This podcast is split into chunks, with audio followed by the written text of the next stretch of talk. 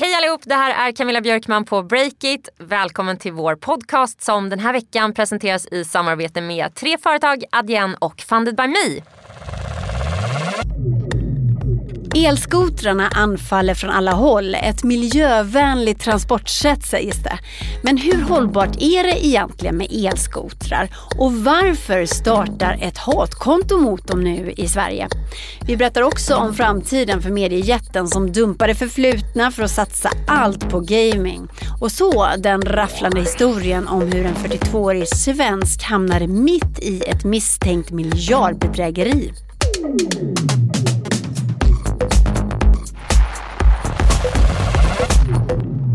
Hej, du lyssnar på Breakits podcast och jag heter Katarina Andersson. I den här podden så tar vi varje fredag fasta på nyheter som vi tycker är spännande. Vi fiskar upp dem ur det vibrerande ekonomiflödet och så analyserar och spanar vi framåt. Men innan jag släpper in redaktionen så tänker jag dra några korta nyheter.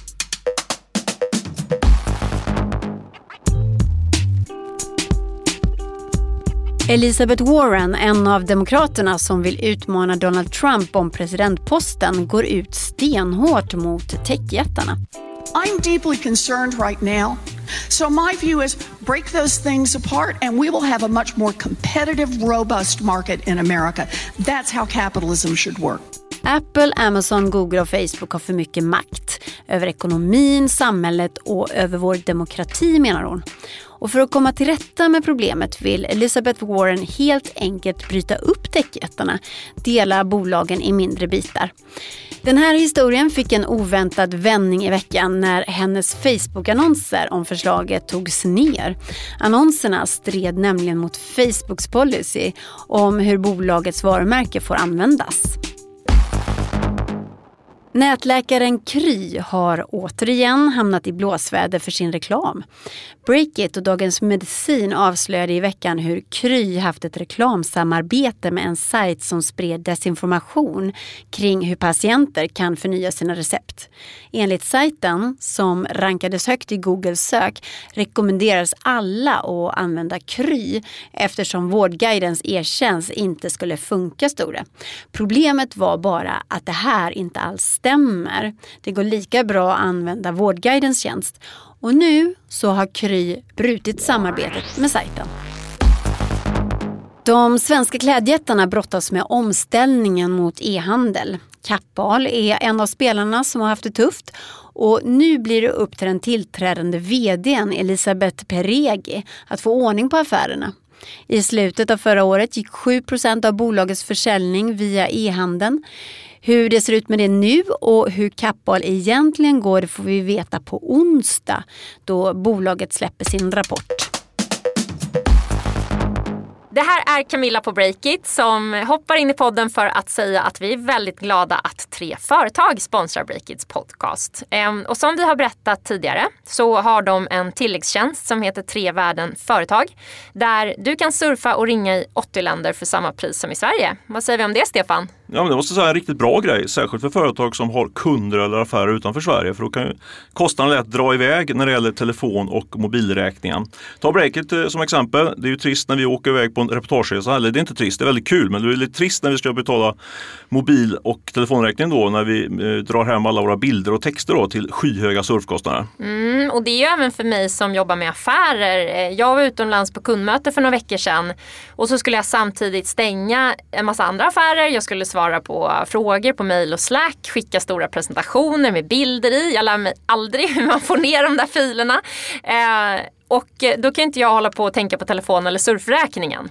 Exakt, så därför gillar vi tre världen företag och det är också enkelt ska vi säga att eh, skaffa sig ett eh, abonnemang om man redan har ett företagsabonnemang hos 3. Eh, läs mer om det här på 3.se företag. Tack Tre världen företag för att ni sponsrar vår podd.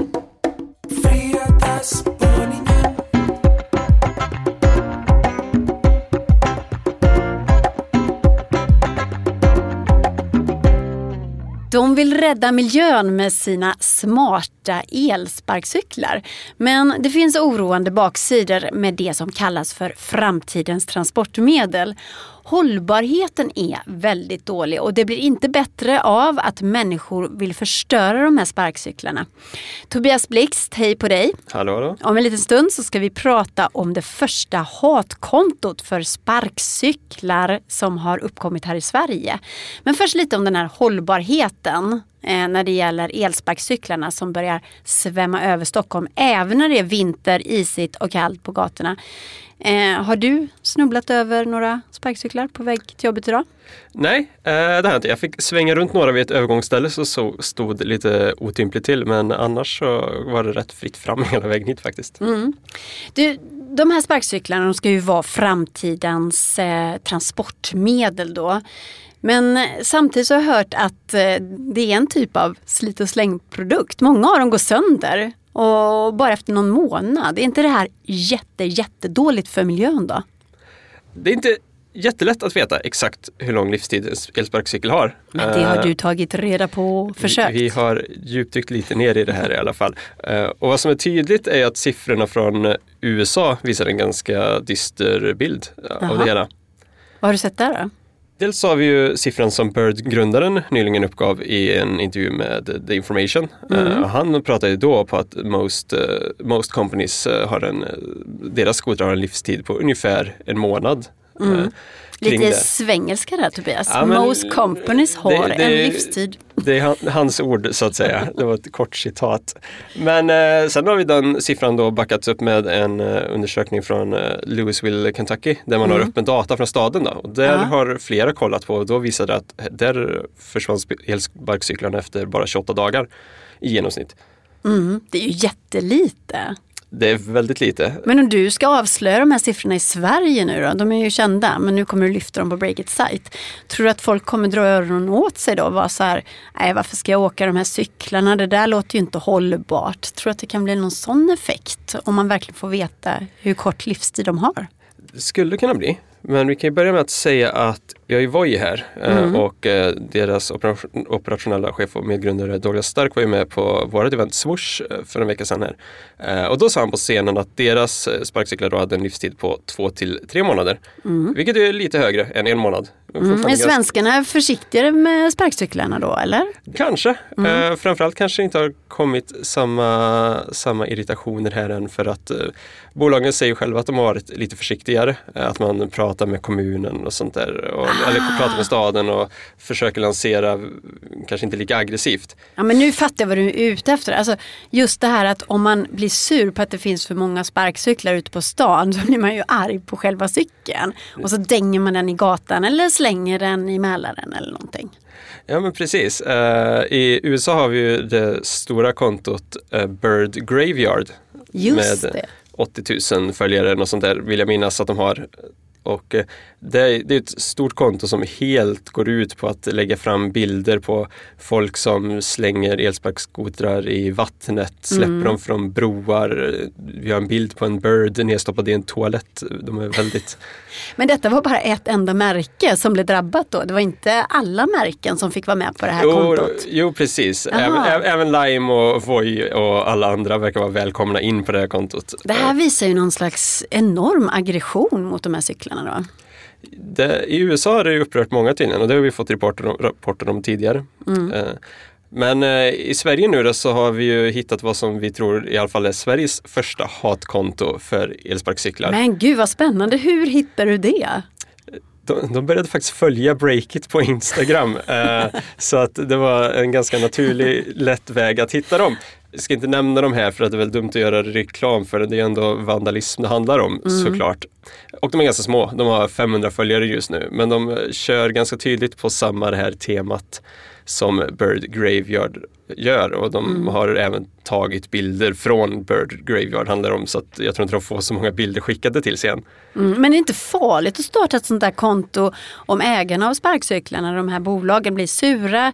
Då kan ju de sätta polisen på kontot och leta upp vem som ligger bakom det och sådär, eller? Kanske. Det, Ja. det, Bird Graveyard har ju levt länge. Eh, Det är ganska anonyma konton detta. Vi vet ju inte riktigt vem som står bakom Eh, det här kontot i Sverige heller. Jag skrev ett eh, kort meddelande på dem på Instagram och frågade dem bara liksom, varför, varför ni gör det här. Mm, mm. Men för den där ilskan tycker inte jag att man har lagt märke till eh, ute på stan här i Stockholm. Jag tycker folk ser otroligt glada ut med stora smile ofta när man ser dem på de här, på de här cyklarna. Men det kanske börjar smyga hit också. Jag kan citera en del av det han skrev till mig, Mm. eh, eller hen, vi vet inte vad som ligger bakom det. Eh, Jag ville egentligen i ett tidigt stadie väcka den här funderingen genom att lägga ut inlägg på skotrarna i Sverige. Hittills så bara 500 som följer. Men när vågen av skotrar dyker upp på våra trottoarer som i USA så tror jag att fler kommer börja irritera sig på dem. Och när man väl förstår irritationen så är det inget som hindrar människor från att förstöra skotrarna. Jag vet inte riktigt, det är oklart vilken fundering som en syftar på att den vill väcka med det här. Men eh, de, den uppskattar inte elskotrarna i alla fall, är ju tydligt. Men det är ju spännande. Vad är din egen spaning då Tobias? Vad tror du kommer hända? Kommer de att vara hållbara? Kommer de hålla längre? Kommer man kunna hålla ilskan borta från dem? Och kommer de få leva i frid och eh, fred med, med svenskarna? Det finns lite olika delar i det här för att göra det väldigt kort nu. Då. Eh, Dels har vi vandalismen men sen har vi det vanliga naturliga slitaget som gör att de är bytt ut rätt ofta. Eh, vi kan se att idag finns det enligt eh, Trafikkontoret här i Stockholm cirka 2000 eh, elsparkcyklar i, bara i Stockholm. Eh, och jag menar, skulle de ha en livstid på bara en månad då handlar det om 24 000 nya elsparkcyklar varje år som måste ställas ut för att eh, de försvinner snabbt. Men handlar det om två, tre månader då, liksom, då handlar det om eh, 8 000 till 12 000. Du har gjort din matteläxa. hör jag. Jag, jag är lite, jag kan matte ibland. Men eh, det blir också lite krångligare av att alla de här företagen säger själva att de återanvänder massa delar och liksom försöker reparera hela tiden och ta tillvara på det som inte är sönder. Så det skapar ju lite av en gråzon. Men samtidigt så i USA gick man ut väldigt aggressivt och i Sverige finns det, har det kanske varit försiktigare. Men nu finns det fyra aktörer med 2000 elsparkcyklar här i Stockholm bara och det är alla de har sagt att de ska öka sin flotta de närmaste månaderna. Och vi har enligt Trafikkontoret så är det två till tre aktörer till på väg in i Stockholm. Men Som visar gud. intresse. Så det, det finns ju en risk att det kommer att bli många fler och då får man ju se ifall också vandalismen ökar.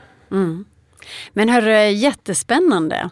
Tack så mycket. Läs eh, Tobias artikel på Breakit-sajten också. Där finns det ännu mer. Det här poddavsnittet sponsras också av Miss Hosting. Bolaget som faktiskt varit kompisar med Breakits ända sedan vi drog igång eh, Breakit här för fyra år sedan. Och som fixar allt du behöver när det gäller att starta en ny sajt. Eller när du behöver nya domäner.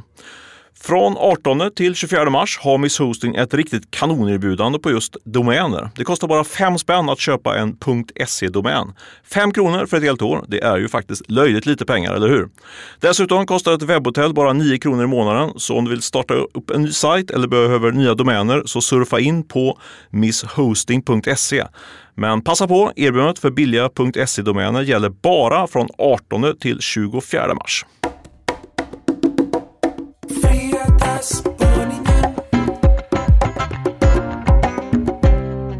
Mediejätten MTG har gett härlig trash-tv till svenska folket sedan 1987. Men nu så är det slut med det.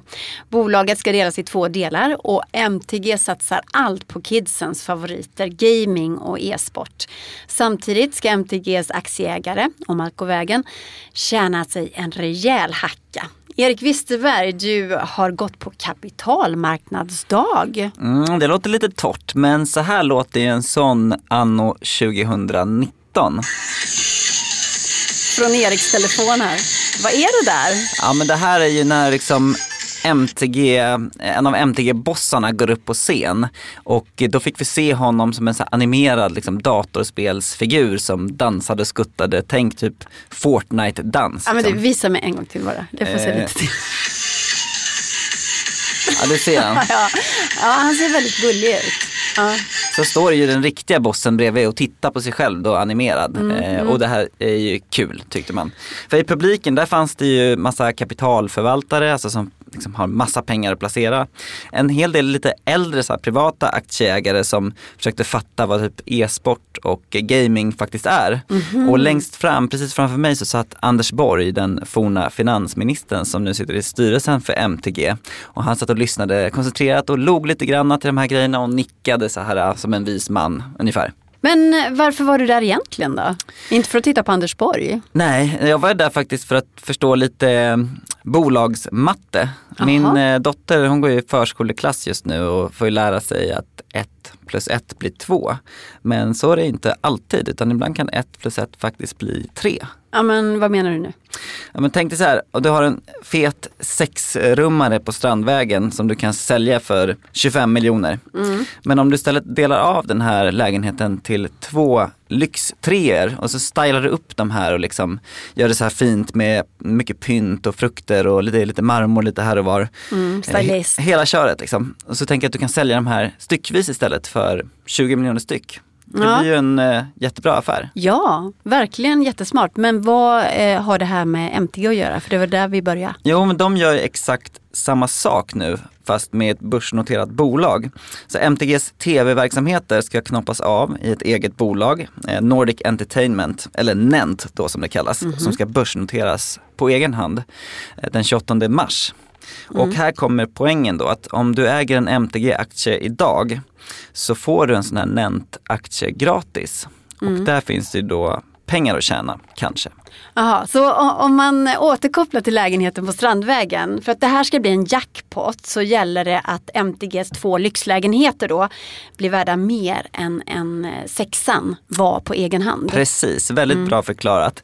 Om det nu blir så kan man ju liksom bara spekulera i nu. Och vissa bedömare menar att Nent, alltså de här tv-grejerna som försöker sälja in sig lite som Nordens Netflix fast bättre. Oj! eh, Ja, är värt lika mycket på egen hand som MTG är idag. Men sen pratade jag med andra analytiker som jag snackade med off record för deras bedömning det är lite av en hemlighet som de säljer till sina kunder. Men de är mer försiktiga och menar att de här båda delarna eh, var för sig är värda ungefär lika mycket som MTG är värt idag, alltså strax över 20 miljarder kronor. Mm, jag måste bara få göra en liten avstickare Erik och fråga så här, får man bara hitta på så här? Att man, du vet, du har ett bolag, jag som aktieägare har köpt aktier i det och sen bestämmer de bara så här, äh, men nu ska vi dela upp det här. Och du får gå med på det som aktieägare så får du en liten aktie som tack för hjälpen. Alltså, får man göra det? det är inte helt eh, ovanligt skulle jag säga. Det och eh, om man tänk, får blicka tillbaka lite i historien här, om man eh, kan sin MTG-historia så kan man minnas att Kinnevik faktiskt gjorde så med MTG en gång i tiden. Att man knoppade av Mhm. MTG-verksamheterna från Kinnevik och satte det på börsen. Och det här är ju liksom ett sätt att skapa mer värde för de som äger aktier. Så det är inget konstigt liksom att man gör så här faktiskt. Mm. Men eh, det kommer ju klarna då eh, dagarna innan Nent då börsnoteras och dagen efter vad priset blir. För marknaden sätter priset på det här. Precis, det stämmer. Och, och varför sker det här då? Ehm, om man återkopplar till hur MTG startades, det var ju Jan Stenbeck som liksom skulle attackera SVTs monopol genom att starta TV3. Och sen dess har MTG växt till ett av Sveriges största mediebolag, i stort sett helt byggt på reklam-TV och även betal-TV då. Men för några år sedan, 2014, så började det en tysk kille, faktiskt en gammal journalist eh, på MTG som heter Arndt Benninghoff. Har du träffat honom? Ja, jag har träffat honom. Eh, men han hade en spaning. Han såg att MTGs produkter, alltså typ TV3 då, övergavs av de unga. Inte bra. Nej, det är ju varje mediechefs mardröm, för det är lite en sån här kanariefågel om vad som kommer hända i framtiden. Att om de drar nu så pekar det mot en död någonstans där i framtiden. och då frågade han sig liksom pedagogiskt, vart tar de här vägen då någonstans, de här eh, kidsen? Och då kanske du kan gissa vad de Ja, de gamer och, och, och vad då? Ja men och, och e-sportar. Ja, just det. eh, Ja. Så. Och det var det som Arndt då drog eh, i sin pitch till MTGs styrelse och till viss mån för storägaren Kinnevik också. Att man nu istället för att liksom bara investera i de här gamla tv-grejerna skulle liksom göra en stor satsning mm. på just att köpa upp e-sportsligor och tävlingar. Och det har man gjort sen eh, mm. med ESL och DreamHack och eh, tyskt spelbolag. Så att nu har man byggt upp en sån portfölj och också gjort ett femtontal VC-investeringar i mindre startups. Då. För att det ska bli tydligt för investerarna var de här, liksom, MTG är på väg så är det liksom en renare eh, story att sälja in att det här är ett framtidsbolag. Vi investerar bara i framtiden, det är gaming och e-sport. Mm. Och har nämnt då som ett separat case eh, helt enkelt. Och det är så som drömmen låter då, som de, som de säljer in till sina aktieägare? Ja precis, man försöker sälja in Nent som lite Nordens Netflix. Jag tycker jag, det är jätteroligt Det är jag som har hittat på ja, det du tror jag. Så bra. Eh, men där drog man faktiskt fram ett kort eh, att Viaplay har 1,3 miljoner kunder, vilket var en siffra som många tyckte var rätt hög. Mm. Och man har jättemycket sporträttigheter och så. Så man tänker att man kan bli en stark lokal eh, spelare där. Och eh, så har man då e-sporten och framtiden i MTG. Du, du, kanske ska ringa till dem och sälja in din idé där om Nordens Netflix också. tycker jag är en bra tagline. Ja men precis. Och, och alla analytiker de, de tittar ju såklart på alla siffror i de här eh, prospektet och så. Men det handlar ju också om lite storytelling faktiskt. Och så här sa den här MTG-bossen Arndt då när jag satte mig ner med honom. E-sports, the new big global sports for digital natives. And gaming, which is super interesting because I haven't seen any other entertainment market uh, where such a huge value creation is happening. I only say one word like Fortnite. Fortnite, alltså menar MTG på allvar att de vill skapa nästa Fortnite? Ja, men hela pitchen där handlar ju om att MTG skapar ett liksom, ekosystem av e-sportsligor, startup-investeringar och större uppköp som gör att de liksom skapar förutsättningar för att kanske kunna skapa en sån här megahit någon mm. gång i framtiden. Mm. Men de använder faktiskt Fortnite både i den här intervjun och på scen och eh, då, då får ju många någonting i blicken. Liksom. Ja, storytelling galore där, men duktigt av dem. Men eh, din huvudspaning då Erik, om jag får fråga om den. Vad tror du om den här uppdelningen? Blir det en succé?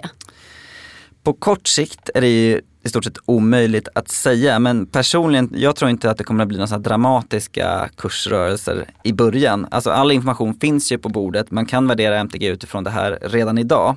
Och marknadens alla smarta liksom, investerare och analytiker borde ju ha prisat in det här i aktiekursen redan nu. Om man tittar på det på lång sikt, där möter ju både MTG och Nent väldigt eh, skarp konkurrens från stora spelare med väldigt stora kassor. Man tar en sån här jätte som Tencent till exempel mm. som bara plöjer ner miljarder och faktiskt fick in Fortnite med sin investering i Epic Games. Eh, så det talar ju för att det kan bli tufft. Mm. Men det finns också en liten joker i den här leken. Ja!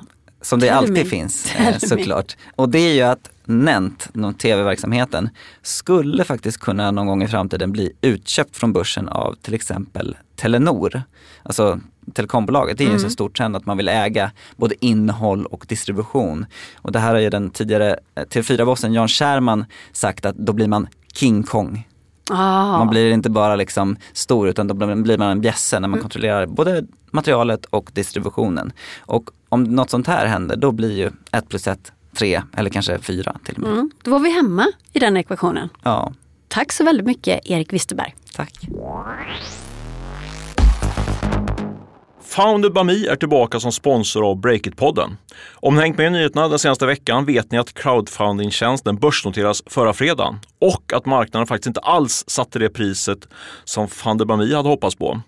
Men grundaren och VD Daniel Dabush är ju en kille med tålamod och dessutom tar han lärdomar av noteringsprocessen för att kunna hjälpa Founded by Me's egna kunder vid deras eventuella framtida börsnoteringar. Inte minst de psykologiska bitarna har han dragit lärdom om, alltså vad som krävs för att få alla att dra åt samma håll inför noteringen. Hur man som ledare och VD måste bära faktiskt allas känslor under långa perioder, oavsett hur man själv mår. Eller att ett ras för notering inte bara faktiskt är en nackdel. Det kan också vara en fördel gentemot konkurrenter som kanske får svårare att ta in kapital medan man själv är noterade. Onekligen en hel del spännande och intressanta lärdomar som alla entreprenörer kan ta till sig. Tack Fanny Bami för att ni sponsrar Breakits podcast.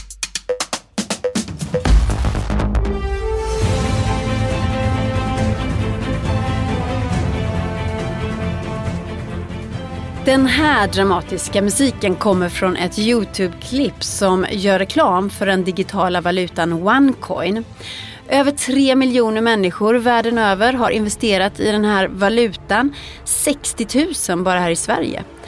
Och nu ser det ut som OneCoin håller på att falla ihop som ett korthus. Det här efter att USA har väckt åtal mot några av grundarna. Och i veckan så kunde Breakit avslöja att en av frontfigurerna bakom OneCoin, en 42-åring från Stockholm, hade gripits i Thailand i höstas och blivit utlämnad till USA. Och i det här klippet som vi just hörde så lovar han rikedom och framgångar till alla anhängare av den här nya valutan. Vi har inte med hans röst i det här klippet eh, med hänsyn till hans anonymitet då, om någon skulle känna igen rösten. Johanna Ekström, välkommen in i poddstudion. Tack. Det var du som plockade fram den här storyn. Hur kom det sig att du började gräva i OneCoin? Ja, men det började med ett, ett tips som eh, jag tyckte lät lite spännande och det var just att Ja men just att en svensk person skulle ha blivit gripen i Thailand och utlämnad till USA. Mm, för utlämnad låter ju väldigt dramatiskt, eller hur? Ja, jag har liksom inga siffror. Jag har frågat UD men de har inte levererat några siffror. Men jag, jag tänker att det är något som inte sker så hemskt ofta ändå. Mm. Och nej, men då började jag kolla på det och jag fick ju det också bekräftat av UD då att det, ja, nej, men det stämmer. Eh, det var några så här kryptosajter, internationella, eller liksom, jag tror de var amerikanska kryptosajter som hade skrivit om det här. Men det var inte skrivet något i några um, större medier. Mm, så du kastade dig över den här Jag kastade mig över det här. Jag kände att det, det, här, det här är ju spännande. Men så, när du precis hade skrivit klart hela texten, så hände något som kastade om alltihop. Vad Ja, nej men då jobbade jag med den här texten några dagar och sen eh, så när jag nästan var färdig, när jag tänkte att nu, nu kan vi snart publicera. Då kom eh, liksom nya uppgifter om OneCoin och dels var det att eh, en av frontfigurerna hade gripits i Los Angeles. Eh, och så var det också i samband med det här då så eh, väckte en åklagarkammare i New York åtal mot eh, två av grundarna. Mhm, Så det var först en som hade blivit gripen i Thailand, utlämnad till USA. Ja, det, och det var den här svensken. Ja. Men den som har liksom officiellt är grundare av OneCoin det är en eh, bulgarisk kvinna som heter Ruja Ignatova. Och hon har gått under jorden sedan, 2000, sedan oktober 2017. Så hon, Oj. hon är liksom, man vet inte riktigt vad hon är. Eh, officiellt har det då hetat att hon är föräldraledig. eh, och, men då har hennes bror liksom tagit över som frontfigur. Och det var han, han heter Konstantin och det var han som greps i Los Angeles. Aha. Så det är, det är lite många turer, lite, lite så här rörigt. Men då valde en åklagarkammare i New York att eh, ja, åtala, eller det heter announce charges against de här två då, syskonparet. Eh, Men kvinnan är alltså inte... hon är på fri fot. Hon är på fri fot. Ja. Hon, är, hon är fortfarande under jord. Exakt. Eh, men de har gripit brorsan. Och då när den här nyheten kom så, så var det liksom Wow, men, men den här svensken som jag vet har blivit utlämnad till USA, han är inte med. Och då började jag fundera, liksom, "Ha, är det, har han inte så uppsatt roll? Kanske har han släppts? Var det, är jag fel ute? Ja.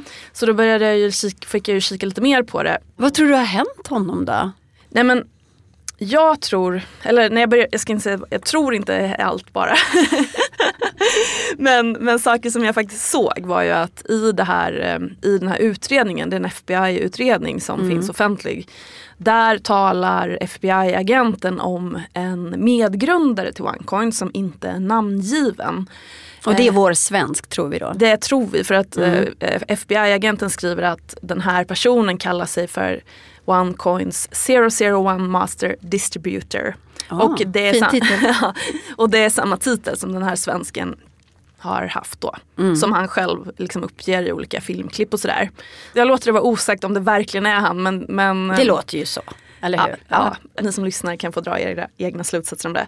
Men då har FBI då fått eh, liksom mailkonversation mellan den här bulgariska kvinnan och eh, 001 Master Distributor eh, redan från 2014. För det var när de började med det här då. Kan man läsa den i den här förundersökningen? Ja men det finns inte allt men de viktigaste delarna Gud står vad där. spännande. Har du suttit och läst det? Ja men jag läste, det är superspännande faktiskt. Och då, och då är det ju, det är ganska tydligt att det här redan från början var tänkt som ett bedrägeri. Mm. Redan 2014 diskuterade de hur de ska göra en exit. Och, och det här först, och första alternativet som den här bulgariska kvinnan föreslår är, är då att ta pengarna och sticka och skylla Jaha. allt på någon annan.